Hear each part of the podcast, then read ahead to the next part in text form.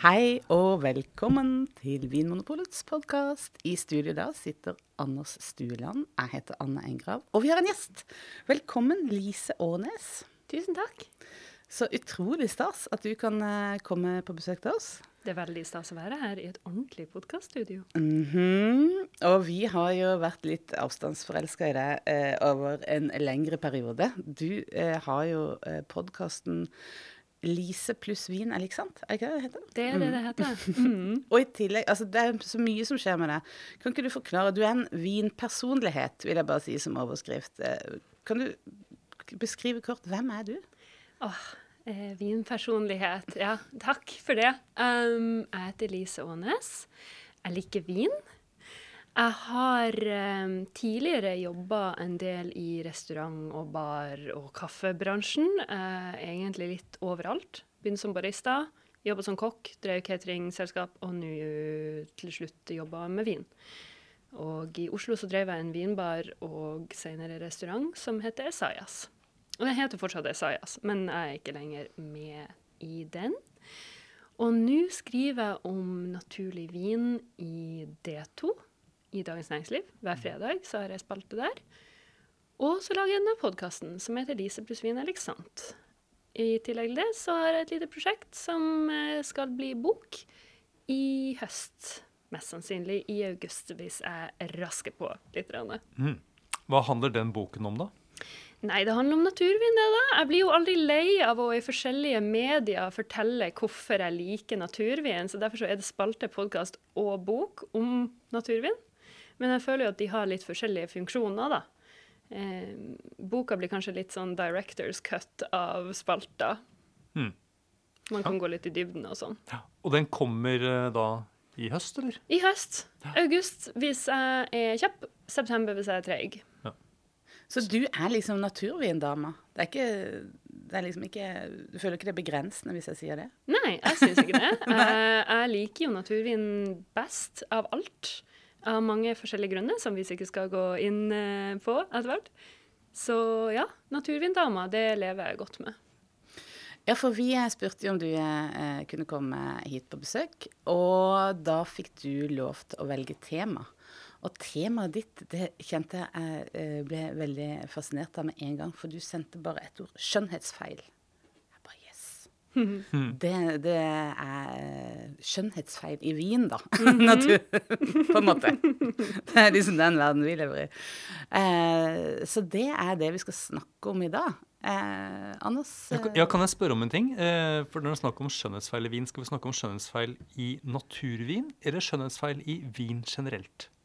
Det er et godt spørsmål. Jeg tenker at vi snakker om vin generelt, Ja, men naturvin spesielt. Ja. Vi, vi går i vin generelt, ja. Og unnskyld, tok på mikken. Eh, vin generelt, naturvin spesielt. At vi, vi toucher litt her og der. Ja.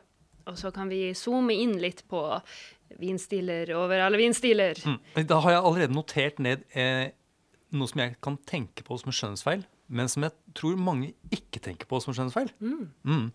Oi. Jeg skal uh, Komme komme tilbake til det. Spennende. Ja, å, ja, eh, eh, vi, må, vi må bare eh, mm, angripe dette for riktig ende, for det er så mye her. Eh, kan vi begynne med å si, hvis vi skal snakke om eh, feil, på en måte, kan vi begynne med å si hva er det som er godt? Hva er en god vin? Er det der vi begynner? Det er vel der vi begynner. Det er jo mange som tar en veldig lang utdannelse for å kunne svare på akkurat det spørsmålet. og det kan jeg jo også bare si. Jeg har ganske lite sånn, offisiell vinbakgrunn. Men så har jeg ganske mye erfaring. Så spørs det om eh, det er det som eh, kreves for å kunne mene noe om vin. Jeg føler jo at man lærer best av å drikke mye vin. Og det kan jeg skrive under på at det har jeg gjort. Det er et godt utgangspunkt. Ja. Men Jeg holdt på å si nå drikker du mest, men det var ikke det jeg egentlig skulle spørre deg om. Men, men det dere er i ferd med å snakke om nå, er jo um, eh, Må man ha en eh, skolering for å kunne bedømme kvalitet i vin? Mm. Eller er det sånn at du bare holder bare at du er et, eh, et, et menneske, holdt på å si, eh, med et sanseapparat? Det syns jo jeg er veldig interessant, og jeg mener jo absolutt at alle kan bedømme vin. Fordi og nå kanskje går vi rett inn i materien med en gang, men hvorvidt noe er godt eller ikke, er jo egentlig i høyeste grad subjektivt. Selv om vi i vinverden lever i en virkelighet der det også er objektivt, fordi at viner får karakterer, og viner er enten god eller ikke god, og fra et godt år eller et dårlig år. Og jeg mener jo absolutt at det har noe for seg, men det handler jo til slutt om hva liker jeg. Syns jeg det er godt, eller syns jeg ikke det er godt? Mm. Og for meg så er en god vin en vin som er interessant. Og kanskje også overrasker meg. Og det er ikke sånn at hver dag så vil jeg bli overraska. Av og til så vil man ha noe man kjenner igjen. Men jeg syns aldri det er spennende med en vin, eller godt med en vin som er endimensjonal.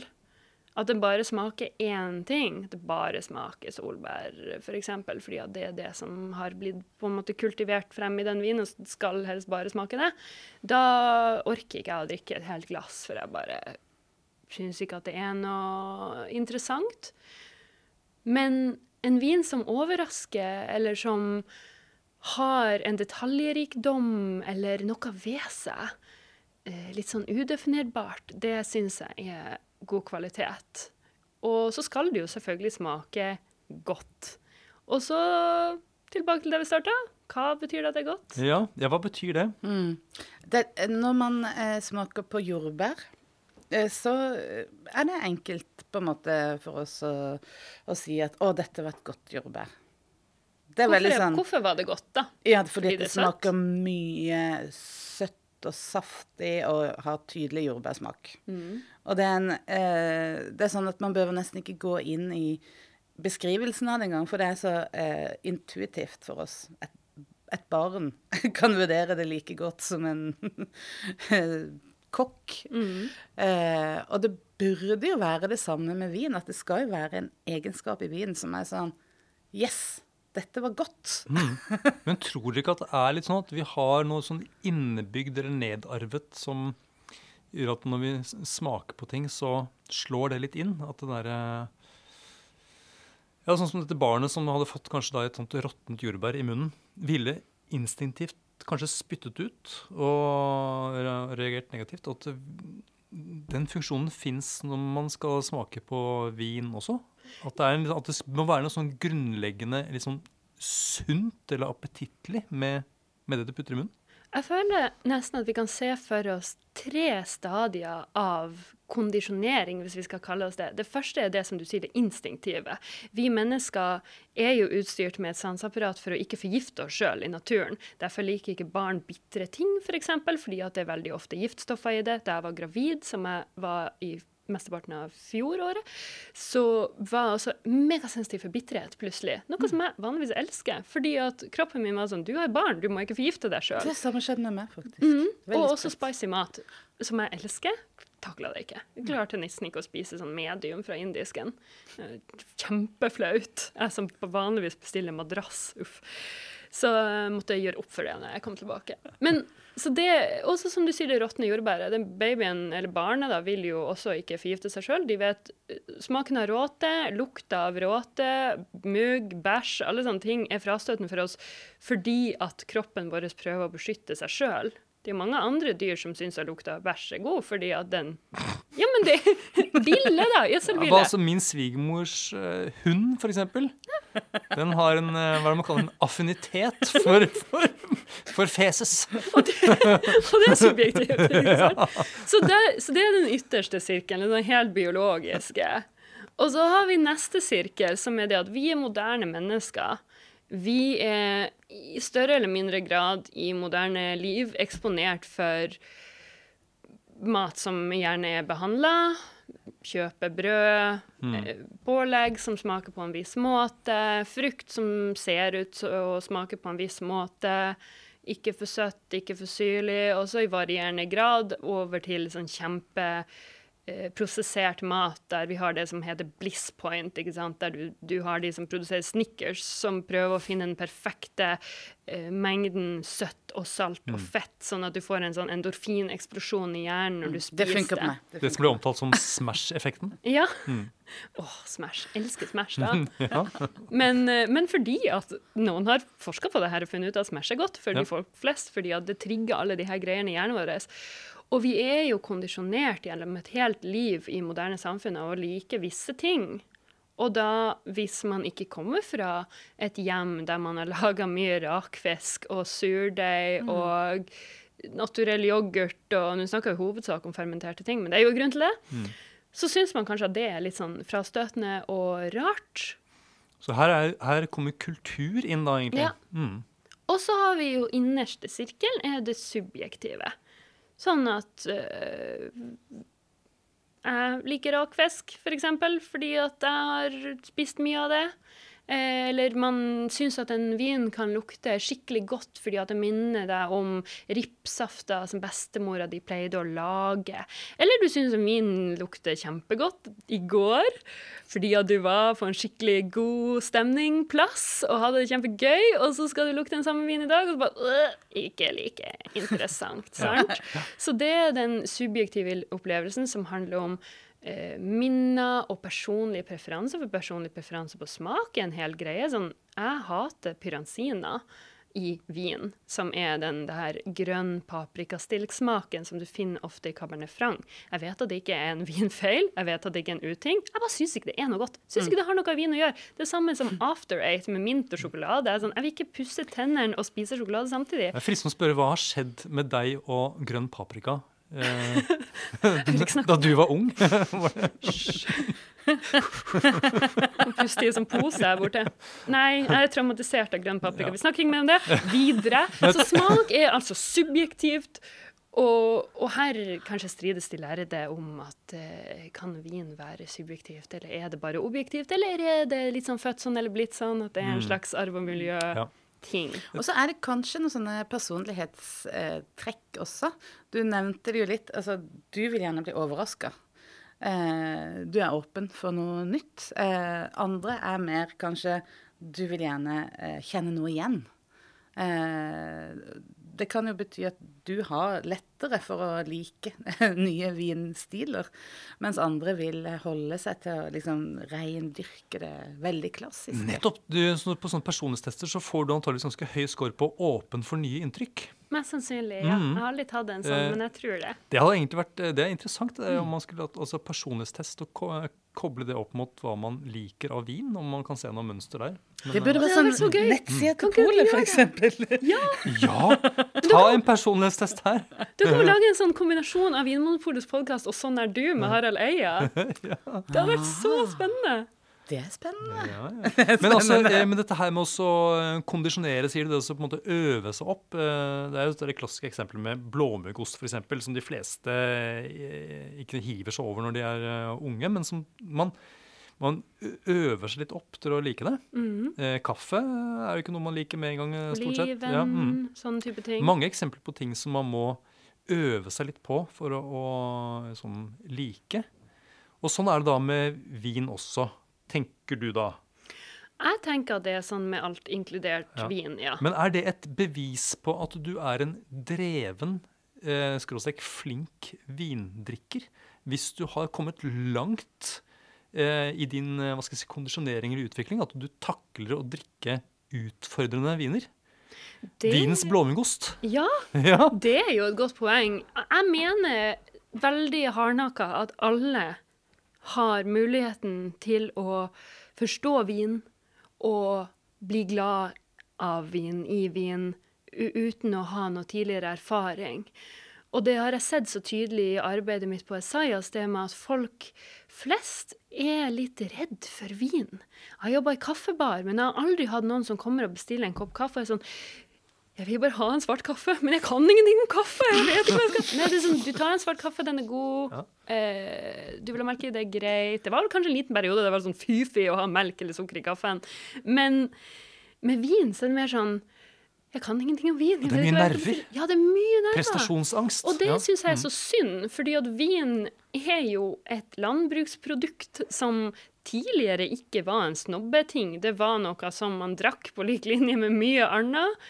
Eh, mens man uh, jobba i åkeren eller etterpå, den type ting. Og nå har det blitt uh, en ting som vi analyserer og analyserer i hjel. Og jeg er jo selvfølgelig vinjournalist, så jeg er jo også litt uh, hypocrite, hva det heter. ja. så, nesten, så vinen, hvordan du takler vinen, er nesten som en personlighetstest i seg selv. Altså, hvordan du eh, vurderer vinen, er en måte for folk rundt å vurdere deg. Ja. At det er, Når folk da liksom blir nervøse når de skal velge vin, er fordi at de tenker at det, dette her er jo en test av meg. Det er jo klasse. Ja. Det handler jo om eh, et uttrykk for klasse og klassebakgrunn.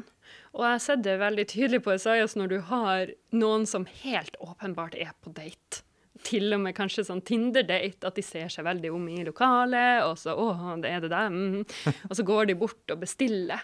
Og da titter de sånn veldig på hverandre. Hvis de skal smake på vin, så ser de veldig sånn skal jeg si at det var godt? Skal jeg ikke si at det var godt? Prøve å lese ansiktsuttrykket til den andre veldig tydelig for å se om er det greit at jeg syns det er godt eller ikke.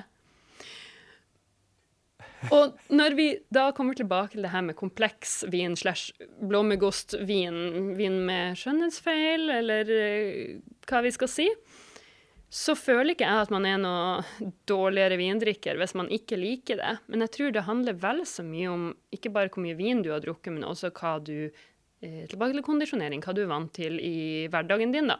Hvis du spiser mye blåmuggost, så er du mest sannsynlig også mer åpen for vin som er litt rar, selv om du aldri har drukket det før. Fordi at du har lært deg at de smakene som er litt utradisjonelle, ikke nødvendigvis er farlige for deg, og ikke nødvendigvis betyr at det er noe galt med vinen. Men tror du det også nesten kan være eh, eh, på den måten at når du da s- ser tilbake på den eh, Tinder-daten du beskrev der, da, og se på hverandre, hva skal man si, du smaker på vinen, at det er eh, også en litt sånn eh, eh, tegn på å være viderekommen hvis du finner noe som er feil, hvis du ikke liker det. At eh, ved å si at eh, å, nei, dette var ikke noe godt, så har du på en måte sagt at jeg vet hva som er godt. at, det er en, Ja. at det er på en måte en måte, vir, en måte å virke som en ekspert på. Det skal mye til før jeg blir tilfredsstilt. Liksom. ja. Jeg har litt høyere krav enn dette. det, det sier også noe om meg. Jeg føler du er absolutt inne på noe. Og igjen, i bar så har jeg også opplevd at noen eh, kanskje skulle ha vært litt sånn Hvis du har sånn gutta krutt-gjeng som kommer inn, ikke sant, blå skjorte og skal ut på byen etterpå og skal bare gunne en flaske vin, og så skal det være sånn Å, crazy! Bestille sånn crazy naturvin! Wow, se på den! Så drikker de den, og så kommer de bort bare Ja, det er noe galt med vin. Nei. nei. Men kanskje ikke Men du, du ville ha den, da. Men vi kan velge noe annet. Nei, nei, nei, da er det greit. Men det, det blir veldig sånn at de skal hevde seg. Og det Ingen er litt lurer vel liksom. generaliserende, men jeg vil også si at som eh, ung kvinne i bar i møte med større grupper menn, så blir man også kanskje ofte offer for at de gjerne vil vise at de er alfa og eh, kan mye om vin, da. Ja, ja. Og hvem er jeg som kommer her med denne rare vinen? Men så minner jeg dem på at nå har du gått på naturvinbar, og da kan det hende, men ikke alltid, at du får en vin som kanskje ikke nødvendigvis bare smaker solbær. Ja. Og jeg kommer til å tenke på altså en, sånn, en klassiker i, eh, når man sitter, sitter eller står og smaker vin sammen med andre vinfolk, er at hvis én snuser på vinen De andre kan allerede ha sånn slurpet og virke ganske fornøyd, men hvis det er én som sier at det er Er det hint av eh, Er det, er det kork? Er det TSA på den vinen her? hvis, noen, hvis noen bare ymter bort på det Ja, ja, ja. ja, ja, ja, ja, ja, det er kanskje ja, det er TSA. Sykt, sykt mye ja, det er helt uttrykkelig. Jeg har gjort det sjøl. For du kan liksom ikke Du kan ikke Da Gruppementalitet er kjempe, Ja. kjempestor uh, mental påvirkning i livet vårt, føler jeg. Ikke bare i vin, men sånn generelt. Og absolutt hvis, noen, hvis jeg smaker med noen som uh, har mye mer erfaring med, enn meg, og er litt sånn Ja, her var det noe feil. Så blir jeg sånn ja, å ja, ja, ja. Jeg kjente det ikke med en gang, men selvfølgelig, nå når du sier det, så er det jo helt åpenbart. Ja. det er jo ikke det for meg, Ja. men Man lyver jo. For det er sånn at jeg kan, eh, for å være litt sånn eh, tabloid, så kan man nesten dele opp eh, eh, sånn vinfolk i to grupper. Den ene gruppen er de som leter etter feilene, og som markerer seg som en konnoissør ved også påpeke feil.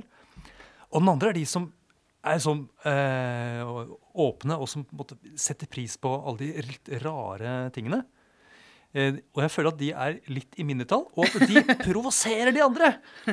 Og her tenker jeg at litt den der eh, konflikten mellom naturvin konvensjonell vin foregår. Ja. Ja. Det eh, var en veldig bra Segway inn i hovedtemaet vårt. Segway, du! Ja, Ja. sånn Ja. glidende overgang. En moderne lissepasning. Ja. Du, der, ja. Jeg er helt på uh, fotballmetaforene men det er sånn. Um, men ja, det er noen som er mer åpen for de her tingene. Og må det da alltid handle om naturvin, som du sa? Jeg mener at det må ikke nødvendigvis det, men vi finner gjerne litt mer detaljrikdom og rom, kanskje, for skjønnhetsfeil i naturvin enn i det som vi kan kalle kanskje samla som konvensjonell vin, for å gjøre det enklere, altså vin som ikke er naturvin. Skal vi veldig kjapt Hva er naturvin? Ja! Ja. Hva er naturvin? Det er spørsmålet som jeg bruker hele min karriere på å besvare. Men fins det et svar? Ja, Fins det et svar? Ja, jeg mener at det fins et svar. Jeg føler at det er veldig ofte sånn Ingen vet hva det er. Jeg føler at det er absolutt noen kriterier som er ikke til å rokke ved. OK, kjør oss gjennom kriteriene. Ja. I vinmarken så skal det jobbes så nærme naturen som mulig. Så kan man si hva betyr det? Er en økologisk sertifisering nok? Må det være sertifisert? Må det være biodynamisk sertifisert? Nei, ingen av de tingene er nødvendigvis sant. Og siden det ikke finnes ett globalt sertifiseringsorgan for naturvin, så er det jo også litt vanskelig å si hva som skal skje i vinmarken.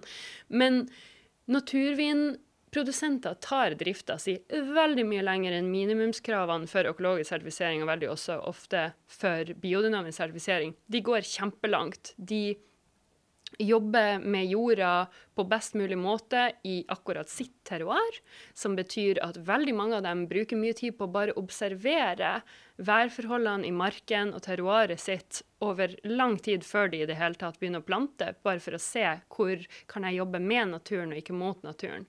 De har gjerne dyr i vindmarken. de jobber med lokal flora, de jobber ofte med det som kalles cover crops, eller dekkplanter, kan vi kanskje si på norsk, der de bruker planter for å tilføre næringsstoffer i jorda. De åpner veldig sjelden jorda, noen av dem ikke i det hele tatt, de bare kutter gresset og lar det råtne for å lage kompost naturlig i marken, sånn type ting. Så det går veldig mye lenger enn minimumskravene for sertifisering. Veldig ofte også så reduserer de avlinga på frukten, sånn at de får mindre frukt, men av høyere konsentrasjon. Den typen ting. Kan man si at man jobber forebyggende istedenfor å behandle problemer? Ja, det gjør man. Man forebygger, og fokuset er på god jordhelse og plantehelse og gode, trygge rotsystemer som lager fantastisk frukt. Naturvin starter egentlig med frukten og jorda og plantene i jorda. Først av alt, har du det på plass, så er livet veldig mye lettere. Og hvis man lager et system som jobber med naturen der du er, så slipper du også å hele tida kjempe mot naturen og kjempe mot invaderende planter eller det du ser som ugress og andre typer ting. da, Fordi at du, du, du jobber med naturen. Og så har vi selvfølgelig vanskelig vær og klima og frost og alle de tingene som plager konvensjonelle vinbønder også, men det er på en måte grunntaken i vinmarken. I vinkjelleren så skal man justere vinen minst mulig. Og så har vi en veldig lang liste med hva de justeringene kan innebære, som jeg ikke vet om vi trenger å gå inn på her. Men i konvensjonell vin så har vi ganske mye maskinelle justeringer, der man kan filtrere bort ting man ikke ønsker i vinen. Man kan gjøre noe som heter revers osmose, der vin deles opp i mange forskjellige av sine deler. Da. Så kan du justere ned alkoholprosent, eller justere ned tannin. Du kan tilsette ting som sukker, syre, sånne type ting. Eh, og så kanskje mest spesifikt innen naturvin, du velger å bruke villgjær, eller de naturlige gjærsporene som finnes på drueskallet fra før av, for å gjære vinen din, istedenfor å drepe den ville gjæra, og så tilsette pakkegjær eller syntetiske gjærkulturer, som er det man gjør med nesten absolutt all vin som produseres i verden i dag. Mm. Og sist, men ikke minst, så er det hvorvidt man skal bruke konserveringsmiddelet SO2, når det skal tilsettes, hvor mye om noe som skal tilsettes for at det skal kalles naturlig vin. Det Mm. føler jeg er eh, den korte versjonen av hva naturvin At nok alle har blitt enige om at naturvin er. Mm. Er dere enig i det? Ja. Ja. har du noe Nei, jeg har egentlig ingenting å, å tilføye. Helt enig. Men det naturlige oppfølgingsspørsmålet er jo da hva gjør det med smaken av vinen? At Ja. det blir lagd på den måten? Det gjør jo masse spennende med smaken av vinen, syns jeg, da. Men eh, her strides jo de lærde, og det er jo akkurat det vi skal snakke om. Fordi når du har spesielt ville gjærkulturer, så skjer det mye mer eh, spennende, føler jeg, i gjæringsprosessen når druene skal bli til vin. Og de ville gjærkulturene vil alltid være mye mer mangfoldige, og bakteriekulturer til en viss grad. Mye mer mangfoldige enn de syntetiske gjærkulturene som er blitt valgt ut i et laboratorium, og som på en måte eh, Vi vet hvordan skal oppføre seg. Mm. Du sier syntetisk, men de det er jo Ja, de finnes jo det er, naturlig, men det er det er- levende gjærceller. Det er ikke sånn at de er uh, Men de er, de er på en måte utvalgt og skilt ut uh, Ja, de er for kul seg sjøl. kultivert. Kultivert. Ja. Det er oppdrettslaks. Ja, nettopp. Oppdretts, oppdrettsgjær. Mm, egentlig godt. Oppdrettsgjær. Godt, godt sagt. Ja. Ja.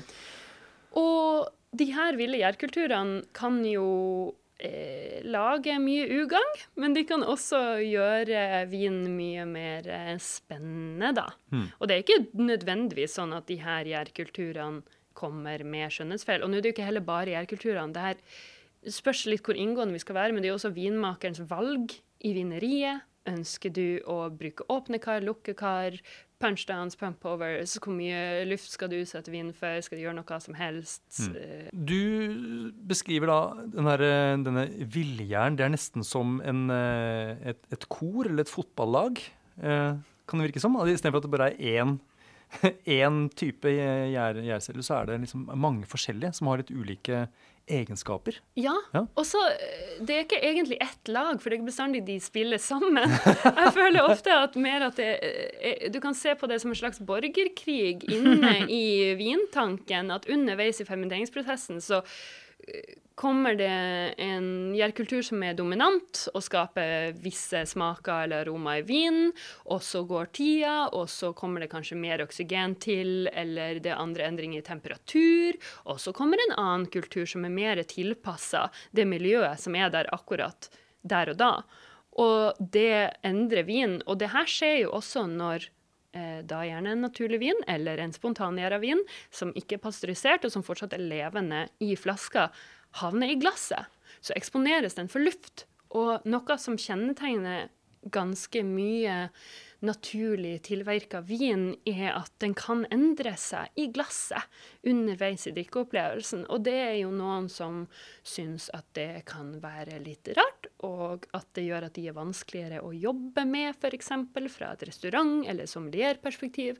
Og så er det de som syns at det også kan være en elskverdig skjønnhetsfeil. Jeg kan også si til lytteren at nå tror jeg kanskje at vi beveger oss mer inn i det egentlige temaet vi skal snakke om. Så hvis du lurer fortsatt på hva naturvin er, les spalta mi nummer én i D2.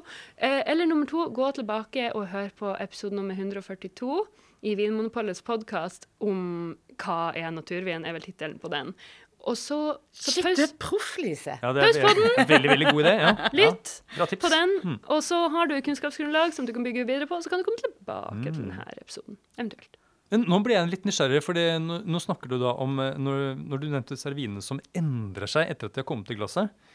Eh, for jeg har jo plukket opp det at i noen sånne sosiale medier hvor man diskuterer vin, så er det veldig mye snakk om lufting av vin. Eh, hva er den ideelle temperaturen når man lufter, hvor lenge skal denne vinen luftes osv. Så, videre. så det virker som folk er jo eh, klar over at vin endrer seg. Eh, at det at man kan hjelpe vinen litt på vei. Men eh, hvordan beskriv hva er det du liksom Hvordan har du opplevd disse endringene som kan skje med vin? Hva Beskriv det litt. I spesielt da naturlig vin, tenker du på? Ja. Eller generelt? Eller Fordi generelt. generelt så føler jeg Ja. at når man snakker om lufting Ja. av vin, så er det én ting vi skal gjøre.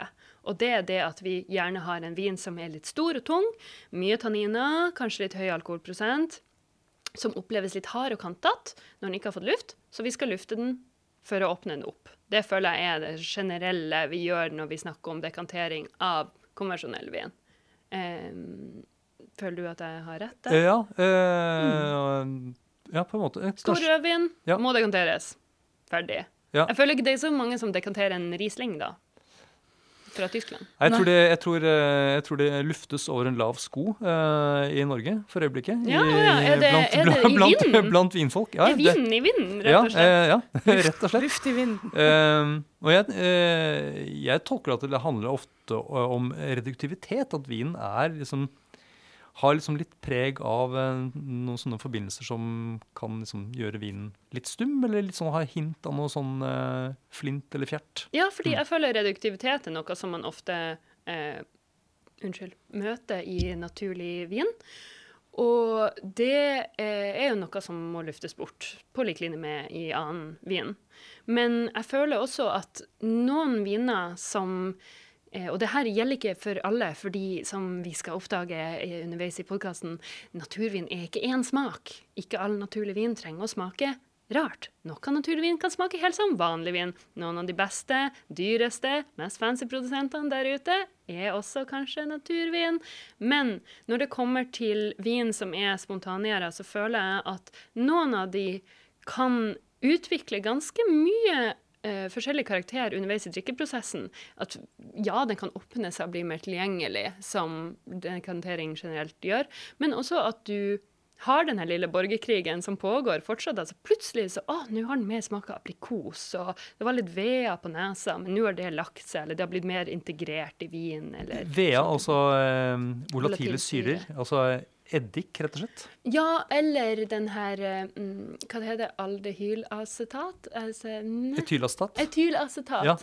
Som gjerne følger, ja, følger gjerne med når det har vært en eh, oksidasjon. i- Ja. mm. Og den, den kan jo være litt eh, På noen viner, f.eks. for eksempel eh, Ja, jeg kan ikke selvfølgelig si prosenter, men på noen viner eh, så kan det være mer tydelig i starten. Litt sånn overveldende, og så føler jeg at det kan legge seg etter hvert når vinen har fått. Aha. Så, så, du, Volatile syrer er jo også gjerne volatile, Ja, så så- noen av dem forsvinner jo. så du opplever at uh, de vinene som har det liksom preg av uh, eddik eller sånn oksidasjon, rett og slett, går seg til Mm. med, med mer luft? Ja.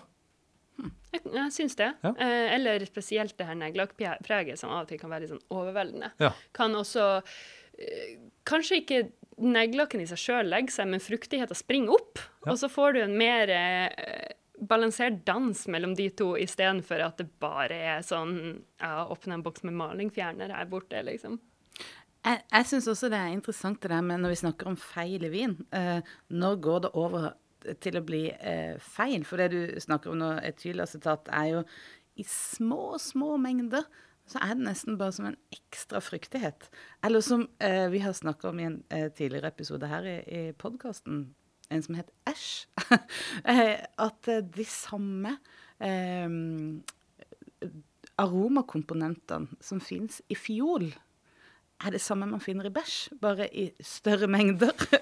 Så ikke sant? Det er, det er noe med den der skalaen her. Hvis du kommer i små mengder og får masse eh, små mengder av eh, ulike aromakomponenter, så kan det være både vakkert, skjønt og eh, interessant og komplekst.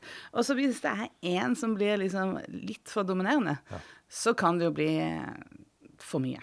Og det føler jeg er med alt i vin. Ja. At det må være balansert, og for mye av det gode er ikke bra uansett hva det er.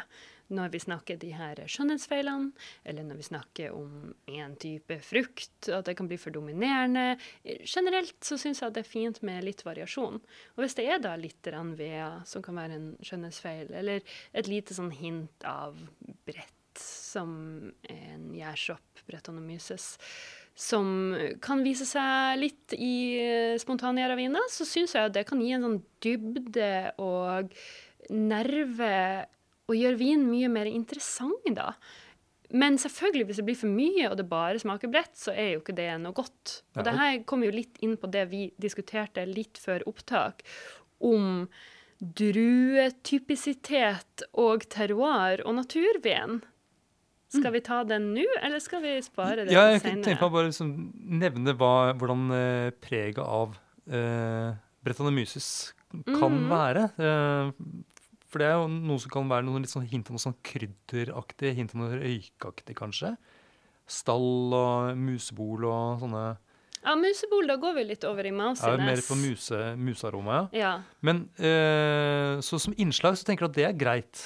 Jeg tenker at det er greit, Mm. men det må ikke overdøve. Hæ? Fordi en av de jeg mener litt mer feilaktige mm, Forestillingen folk har om naturvin, er at det bare smaker eddik og brett, og at terroir utgår når det kommer til naturvin, fordi at de her tingene kaster ut typisitet uansett, og du klarer ikke å smake typisiteter fordi alt du smaker, de er feilene, og derfor så har ikke naturvin noe å gjøre i um, ja, i Mm. relevant vinsammenheng, da. Ja, for man liker å tenke at uh, de beste vinene er de som uh, viser hvor de kommer fra, sånn at man nesten bør kunne ta de blindt for å liksom, ja, si at denne vinen smaker typisk.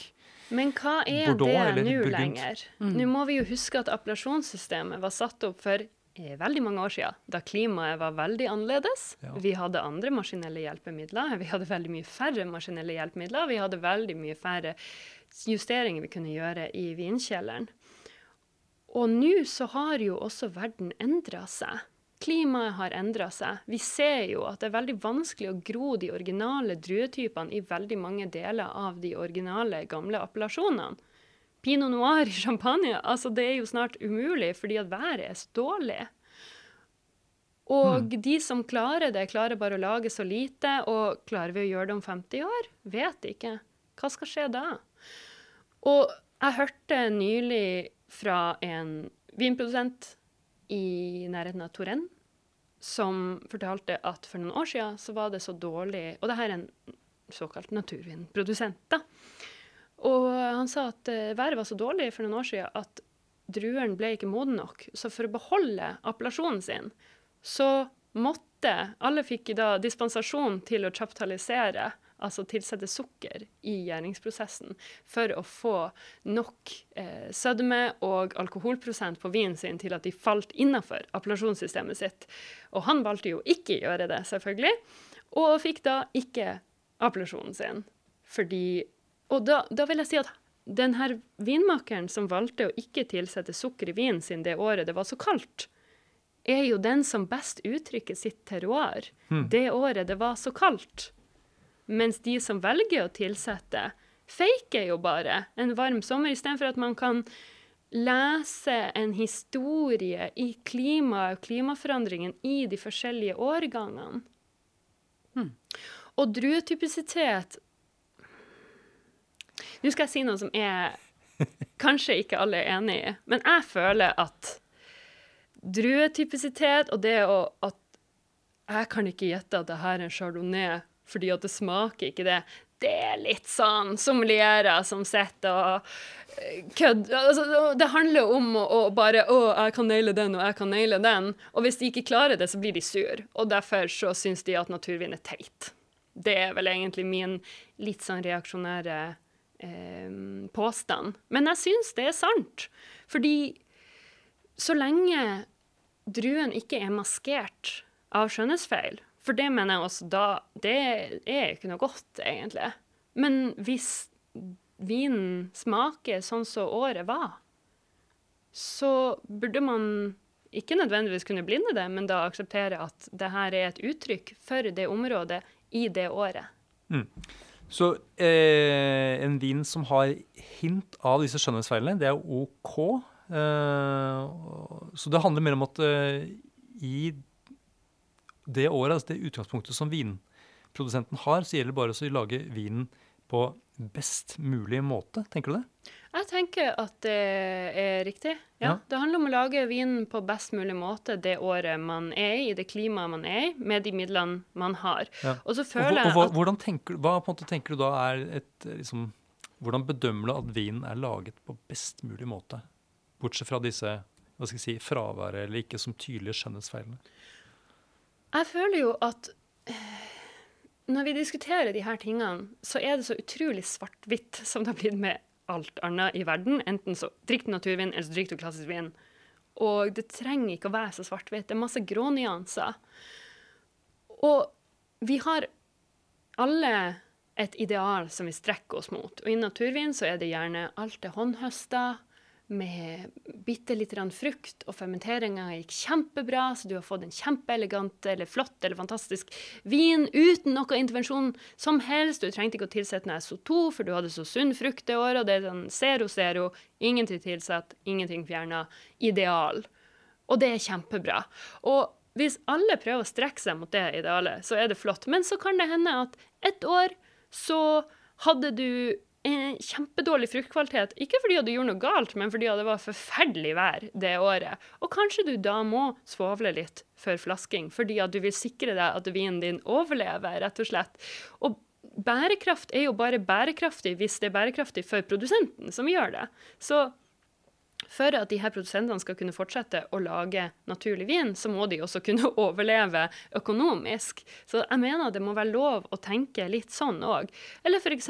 ja, du ønsker å høste manuelt, men så ser du at om fem dager så skal det være en kjempestorm, og plutselig så må du plukke druene dine, og du har 25 hektar. Du kan jo ikke plukke alt det med et lite plukketeam, så enten så må du gå og skaffe deg noen slaver, eller så kanskje du sender plukketeamet ditt ut for å ta bort og sortere litt i marken, og så kjører du en plukkemaskin. Plukkemaskiner har masse feil, det er ikke ideelt, spesielt ikke når du skal spontangjøre. Men du gjør det du må. ikke sant? Kanskje du plukker litt mindre kvanta, og så får du det til å funke på den måten. Så jeg mener at eh, det er det jeg mener med at best mulig, man jobber med det man har. Og forsøker alltid å jobbe så godt og med så riktig etikk i forhold til bærekraft og naturen og folk som mulig. Og så går det som det går. Og Derfor syns jeg også det er vanskelig å bedømme om noen er Og det hører jeg jo også nå med importører som vil presentere viner for meg fordi at jeg har blitt vinjournalist, og sier at ja, jeg vet ikke om det her kan regnes som naturvin, men de jobber sånn og sånn og sånn og sånn. Og så sier jeg men det er jo naturvin. Og sånn, ja, men de svovla litt på den årgangen og sånn og sånn. Da tenker jeg at det handler så mye mer om eh, grunntanken, filosofien til den enkelte produsenten. Og hvor de vil, og hva de vil. Og det er jo nettopp derfor naturvin er så vanskelig å sertifisere. fordi det handler jo om mer enn bare en drikk. Det er jo et levesett, en filosofi, en opprørsbevegelse på mange måter i forhold til appellasjonssystemet og den typen ting. Og det er jo veldig vanskelig å sette det i en boks, da. Det høres jo nesten ut som selve liksom, begrepet naturvin handler om å endre spillereglene. Der spillereglene har vært eh, reglene i appellasjonssystemet, som du beskriver. At her gjør vi det sånn. Her er eh, loven, vinloven, faktisk, som det faktisk er. Eh, og, og det sikrer, da, eller skal ideelt sett sikre at alle holder samme kvalitet, og at de som kjøper vinen, skal vite hva de kjøper. Derav eh, det gjenkjennelige og typiske. Eh, og så, som du sier, så kommer det eh, noen andre inn og sier nei, men nå endrer vi eh, regelverket. Eh, vi bryr oss ikke om vinloven, for vi mener vi har funnet en eh, annen måte som er bedre å gjøre det på. mer interessant. Og med det så kan du ikke lenger smake disse mot hverandre. Veldig mange smaker vin som For å smake vinene mot hverandre. Når du smaker vin, så bedømmer du det i forhold til andre som skal være lignende, og, og rangerer, på en måte. Eh, og det blir jo mye vanskeligere å gjøre når man bruker forskjellige spilleregler. Mm, ja, nettopp, ja. Litt sånn som med hoppsporten. Når Ja, når plutselig V-stilen kom. V-stilen kom, ja. Ja. Mm. Dette Det er V-stilen. Vinverdens V-stil. eh, ja. Mm. Men så vil jeg også si at for den lytteren som ikke har drukket naturvin, og som kanskje tenker på den overskrifta som var i Aftenposten her nylig, der det snakka om naturvin og promp, og sånn driver ikke med på den her restauranten som nevnte det. Kanskje noen så den i dag. Så vil jeg bare si at um, det er ikke all naturvin som smaker sånn her, da. Det er ikke alle som er V-stil. Noen av dem er klassisk. ja, du kan Så ikke ikke ja. få forutinntatthet mm. det er Av å godt, høre det her. veldig Ja, godt poeng. sant. At uh, veldig mye natur, naturvin de smaker jo uh, som en helt uh, hva skal jeg si, en feilfri vin. Uten, og vil jeg si, mye konvensjonell vin, eh, altså vin som ikke er naturvin, kan også ha eh, innslag av promp og, og eddik. Og, altså det fins ikke mm, Det fins feil i eh, Ja. den typen vin også. Veldig. Og reduktive aromaer, ikke minst. Eh, men uh, dette her med også ting som blir borte ved lufting, det har vi jo snakket litt om. nå. altså um, sånn, Dette med VA, som du sa. Dette, sånn, bredt aromaene som kanskje kunne liksom, gå seg litt til når frukten liksom kom litt tydeligere i, i vinen. Er det noen skjønnhetsfeil som du merker blir tydeligere, eller som kan komme liksom litt snikende inn etter hvert som uh, vinen står i glasset? Ja, da er det jo mus, da. Det er musa som kommer trippende. Mus er bare pip, pip, pip. Og den uh, musa syns jo er interessant. Kjenner musa på gangen Mm. i naturvin. For det er også en forutinntatthet som jeg opplever at mange har, at all naturvin har mus eller blir såkalt mousy Er ja. det, så, er det så mange som vet hva musearoma er? eller Det virker kjenner- som om det Det er sånn Kork var veldig sånn 90, tidlig 2000-tall. Det var all vin av korka. Det var liksom vinfeil of the year eller of the decade. Og nå er det sånn åh, all vin er mousy. Ja, akkurat. Men det er jo ikke sånn, selvfølgelig, at all naturvin har det eller blir det. Men det er jo noen som utvikler det når de møter luft over kortere lengre tid. Og det har jo jeg veldig opplevd i barsammenheng, at du har noen viner som du ikke kan ha på glassmenyen, fordi at hvis den har stått åpen i kjøleskapet i fire timer, eller gud forby over natta, og kommer tilbake dagen etter, så er den jo udrikkelig. Og jeg eh, er veldig sensitiv til mousiness. Og det er jo en interessant vinfeil, fordi at det er jo ikke alle som har mulighet til å smake det på lik linje som andre. Jeg, jeg har veldig problemer med å smake det. Så digg for deg! Ja. Så bra! Og det fins- og det fins en del vinprodusenter selvfølgelig som heller ikke har den evnen til også å, å smake. Det er ikke fordi de er vrange eller vanskelig, det er bare de, de, de klarer det ikke. Nei, jeg har skjønt at det handler bl.a. om at vi alle har individuell pH i munnen vår, og det har noe å si. Jeg Det er en eh, ekstrem salivator. Eh, Jeg har en fantastisk spyttproduksjon, så det kan henge sammen med det.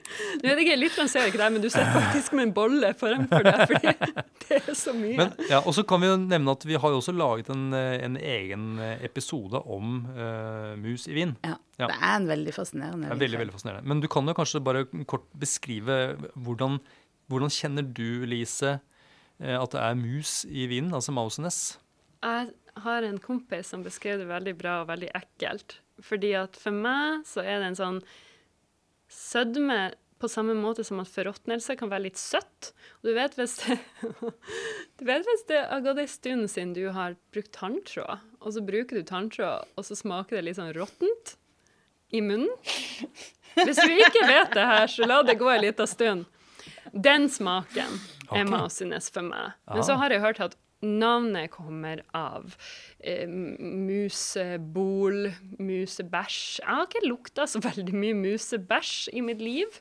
Um, ikke, jeg hadde for øvrig et marsvin da jeg var lita, men uh, ja.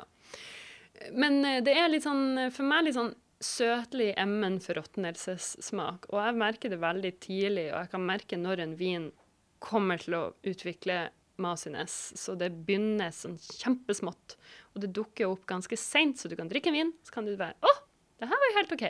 Ja, kjempegod vin. Og så Ja, så det kommer i ettersmaken. det kommer i ettersmaken, Mm. og det kommer ganske lenge etter av og til. Ja, noen ganger et, et minutt etterpå har jeg opplevd.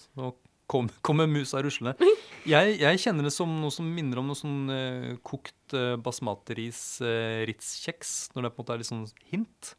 Og så går det mer over mot noe sånn eh, litt sånn harskt smør. eh, Mm. Ja. Ja, den harskheten kjenner jeg også Mm. igjen. Mm, Ritz-kjeks, not so much for ne, meg. Men, uh, men ja, det er ikke så lekkert i hvert fall. Og det er jo en interessant vinfeil også, fordi Jeg føler at mus i vin er uakseptabelt. Det er en smak som tar over vinen fullstendig for meg, og dermed gjør at jeg ikke kan smake vinen. Tilbake til det her med en skjønnhetsfeil, eller i, i dette tilfellet føler jeg en vinfeil, som ødelegger vinen, og som maskerer terroir og druetype. Ja, Men- selv om det bare er et sånt hint av eh, hva skal jeg si, tanntråd og forråtnelse.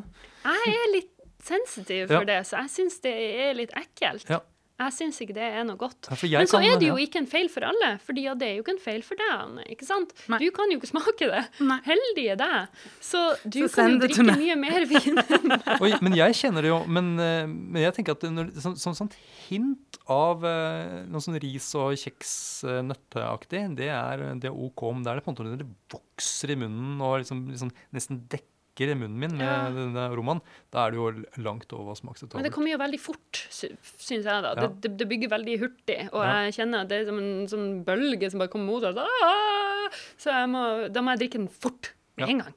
Da går det fint. Men, men da men så øh. Så, men, eh, og det er også et interessant aspekt, egentlig, dette her med, med skjønnhetsfeil. At det, dette her er også noe som avhenger av hver enkelts fysiologi, rett og slett. Om man har altså, reseptorer som gjør at du klarer eller, eller slipper å kjenne, kjenne skjønnhetsfeil. Så det gjør at det som er, kan være være udrikkelig for den ene, kan være helt OK for den andre. Og da handler det ikke nødvendigvis om kultur eller at man er kondisjonert. Det bare handler om at man, man er skapt ulikt. Mm. Mm.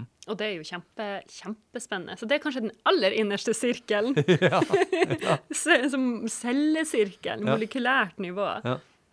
Um, um, reduktivitet, eller altså disse ar aromaene som stammer fra um, en del sånne komponenter som har svovelforbindelser i seg, det er jo noe som også kan dukke opp i naturvin ikke sant? og i, i vanlig vin. Og det henger ikke sammen med tilsetting av sulfitt i, i vin, bare, sånn, bare for å få fram det. Hva tenker du om den skjønnhetsfeilen? Jeg tenker eh, Jeg tenker at også litt med mousiness så føler jeg at reduktivitet og mousiness er to ting som kan fikses litt av vinmakeren også hvis vinen får ligge litt lenger før den selges på markedet. Og det er jo noe vi merker i økende grad at naturvin er mer populært, og selvfølgelig også vinmakerne trenger å tjene penger og ikke sitte på flaskene sine. Så jeg føler at veldig ofte så slippes så mye vin altfor tidlig på markedet, og så blir det en hype fordi at folk ser det på Instagram, og folk vil drikke den vinen som de så på Instagram, og så kjøper de den, og så drikker de den med en gang, og så burde de egentlig ha venta, for både reduktivitet og masiness kan legge seg litt når vinen har fått slappa litt av. Så det syns jeg er et viktig poeng å få frem bare sånn generelt. Oh ja, du har opplevd at uh, vin som er, eh, har uh, rett og slett uh, blir mindre masig med altså, lagring på flaske? Ja, ja, ja. Veldig. At det reduseres, Slett. Ja, ja. Vi har holdt tilbake masse vin på Esaias Ja. for å få bort mus. Eh, og det kan også være litt reisesyke, som også er en ting som jeg føler er kjempevanlig med naturlig vin. At vin utsettes for veldig mye temperaturforskjeller og risting og reising uh, på vei til uh, helt nord i Norge, ikke sant? Langt unna masse vinproduserende land der vi liker å kjøpe vin fra. Og da blir vinen litt reisesyk, og da må den rett og slett få lov til å samle seg litt. Men er, er naturvin mer eh, altså, reisesyk enn en vanlig vin? Det tror jeg absolutt. Det Nå blir det kanskje litt sånn hippie her, da, men jeg mener jo også at vinen er levende. Det Teknisk sett er den levende når det er en naturlig vin, for det er masse gjærebakteriekulturer, og de utsettes for veldig store forandringer, og da blir det litt baluba. Ja. Og så må de få lov til å Det er litt sånn det her vet alle som liker planter. Hvis du flytter en plante fra ei leilighet, og du flytter leilighet og flytter en ny leilighet, så blir veldig mange planter lei seg. De liker ikke å flytte på seg. De liker å ha det sånn som de hadde det. Og de blir liksom sånn stressa av det. Og det skjer med vinen også. Og planter kan ikke tenke, og vinen kan ikke tenke, sånn som vi tenker på tenking. Men de blir stressa. Og det reisesyke i naturvin er en kjempegreie.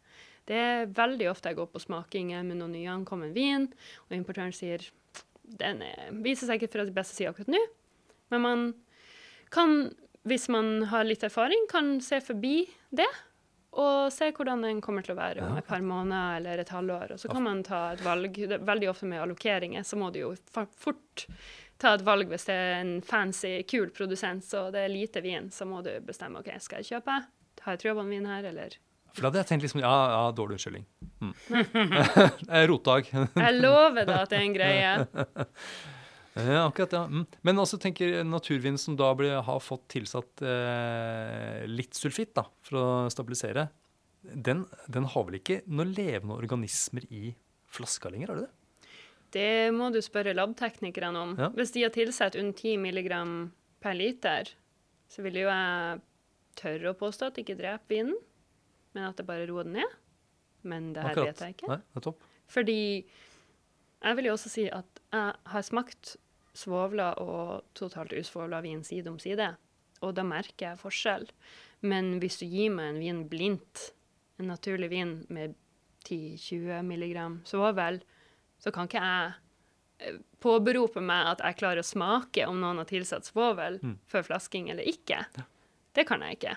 Men jeg vil jo jeg kjenner jo at den vinen fortsatt har den litt sånn udefinerbare, levende kvaliteten som vi ofte snakker om at naturvin har, og som absolutt det har for meg. At den, den har en eh, Den vibrerer nesten, ikke sant? Den er levende.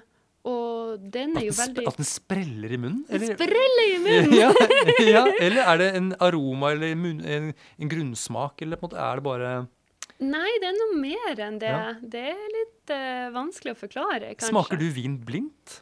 Ja, Ja. det gjør jeg Og jo. da også kan du liksom kjenne at denne vinen vibrerer, og da også viser det seg at ja, det er naturvin. Ja. Ja. Ja, det er interessant. Jeg har faktisk sett en uh, svensk dame som tar sånn kromot... Uh, hva heter det? Gasskromot...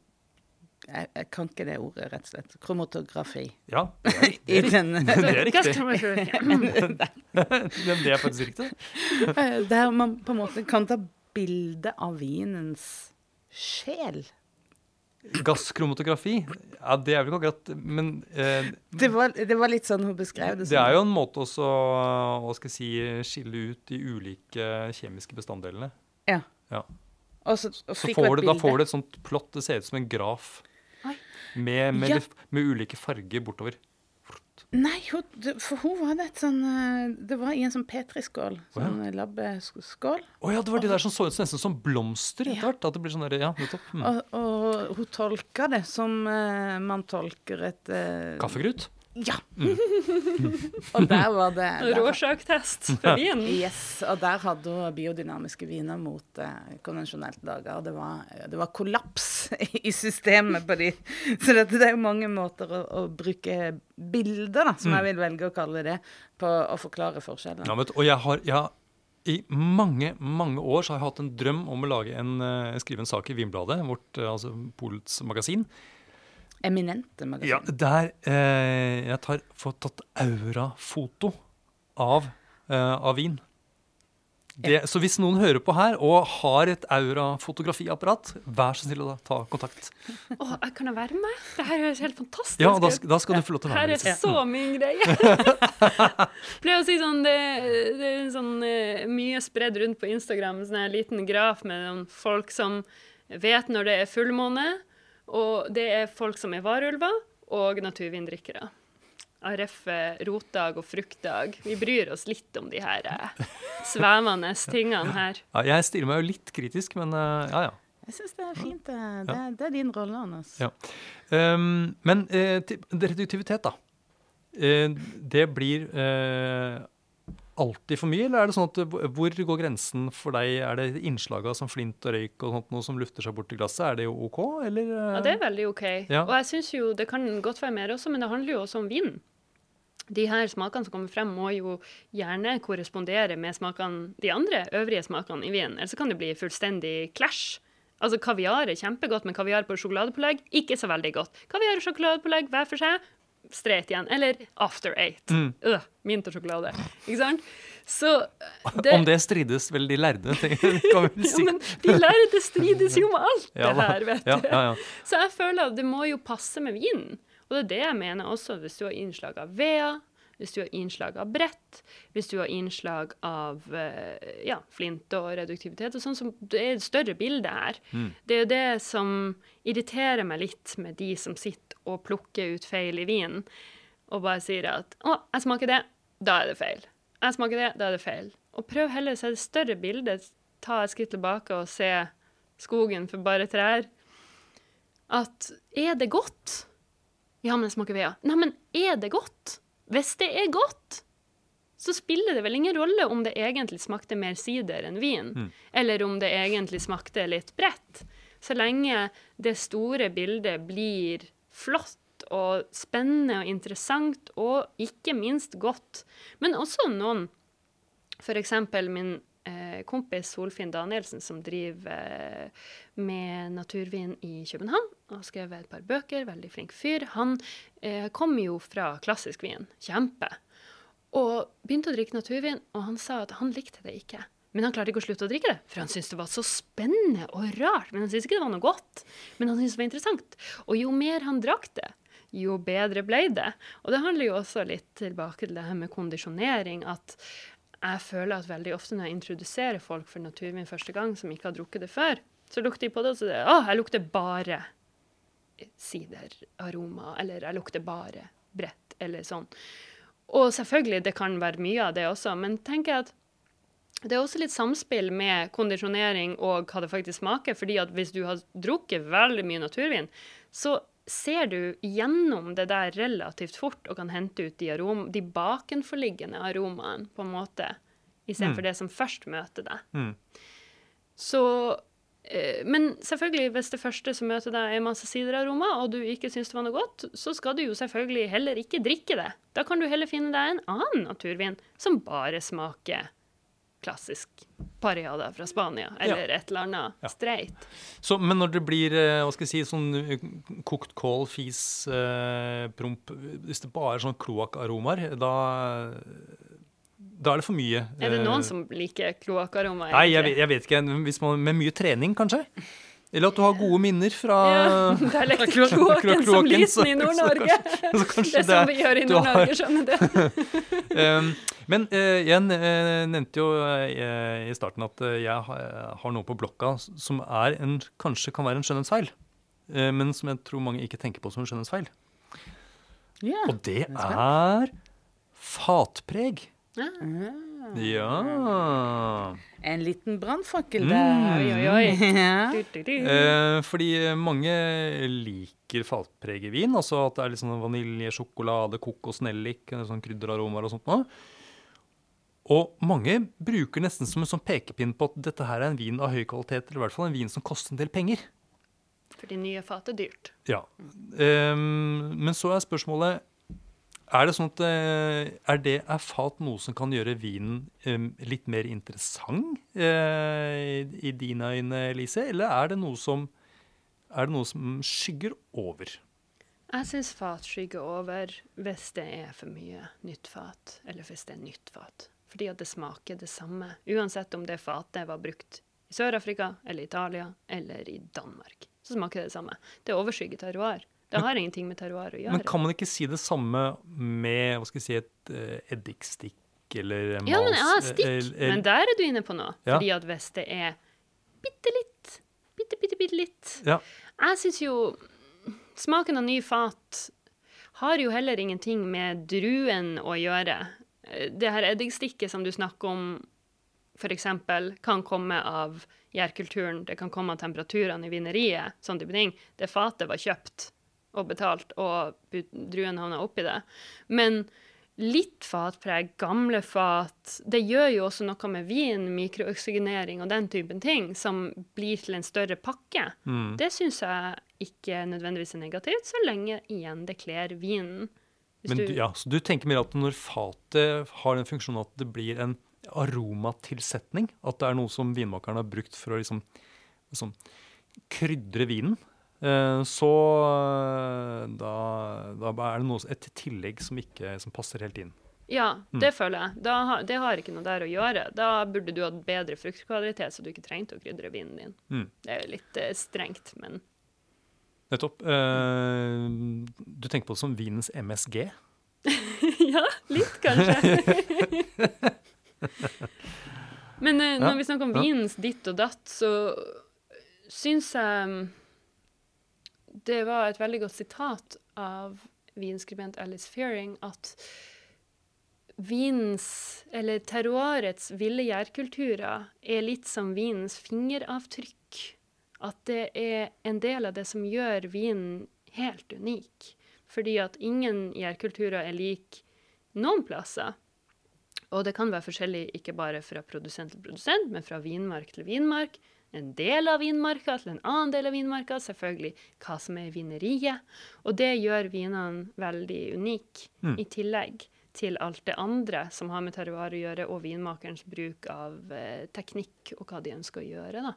Så Derfor så syns jeg også at det at viner som er spontangjæra, bare skrives ut av terroir- og appellasjonsbegrepet bare f fordi at de er, smaker litt annerledes, det syns jeg er så synd, for jeg føler at for meg og for mange andre naturvinprodusenter eller drikkere eller entusiaster, så er gjærkultur like relevant for terroir som jordsmonn, eller som nærhet til havet, eller høydemeter, eller lignende, da. Jeg føler egentlig at vi må dessverre slutte nå. Kan du ikke Jeg har lyst til å sitte og prate. når vi har det så Ja. koselig. Jeg har lyst til å sitte og prate så mye mer. Kan du ikke komme tilbake en gang, Lise? Jeg kommer lett tilbake. Hvis jeg får bakst og kaffe, Ja. så kommer jeg hvor som helst. Herlig. Tusen takk skal du ha. Tusen takk. Takk for at du hører på Vinmonopolets podkast. Har du forslag til et tema i podkasten? Send mail til podkast at vinmonopolet.no. I tillegg svarer kundesenteret deg på e-post, chat og telefon.